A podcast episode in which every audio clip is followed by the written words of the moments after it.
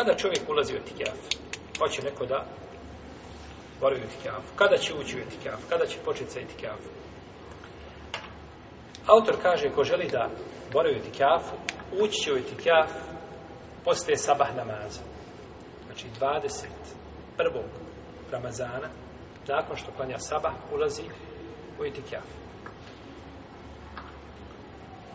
I to dokazuje hadisom Ajša radijallahu ta'ala koga bideže Buharija i drugi, da je kazala kada je poslanik sa osam htio boraviti deset zadnjih dana u Itikjafu, ja bih mu pripremila nešto u vidu šatora, pa bi klanjao sabah i ušao bi u njega.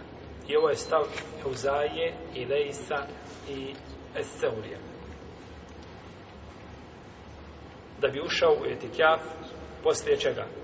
Poslije sabah. Dok kažu imami četiri pravne škole, u etikjav se ulazi nakon zalaska sunca, znači kada nastupi 20 šta? Prvi dan čega?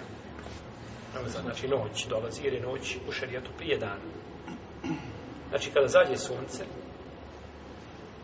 20. dana Ramazana i ušla je noć 21. tada se ulazi. Znači ušli bi prije onih koji ulaze šta poslije Sabaha, jer oni tek drugi po drugom mišljenju Leisa i Ozaije i Seurija ulaze šta?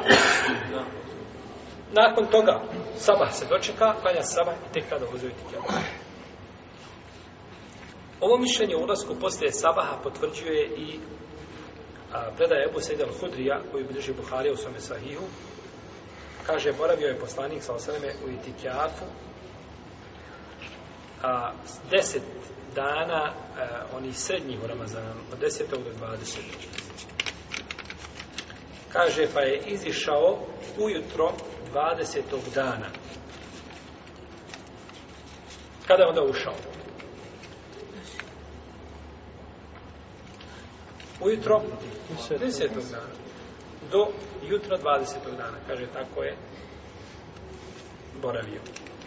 Pa bi se podudarili hadis Sebu Sejda al-Hudrija i hadis Aisha radijallahu ta'ala anhu.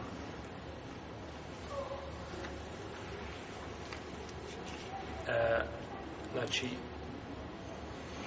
ako je išao 20. dana ujutru, šao je 10. Tako je bilo 10 srednjih dana u Etikafe.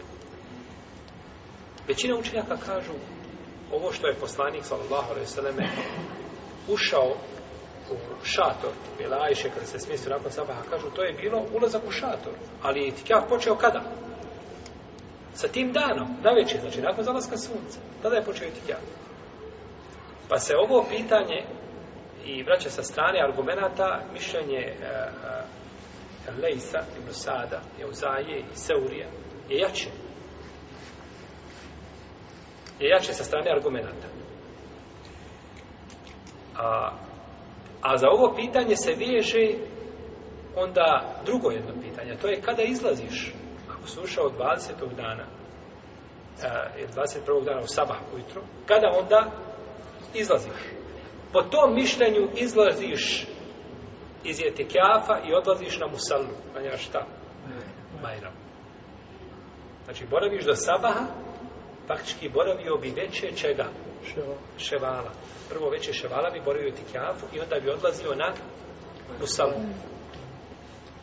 Nakon Bajrama. Pa, e, nakon Sabaha odlazio bi na, na, na se klanja Bajrama. Zog kaže većina učenjaka ne završava se zalaskom sunca zadnjeg dana Ramazana. I odlazi čovjek, boravi u svojoj kući, znači prvo veće ševala i tek onda ujutro znači dolazi na Sabah i a, na Bajram namaz. To je znači poznato razilaženje među islamskim učenjacima.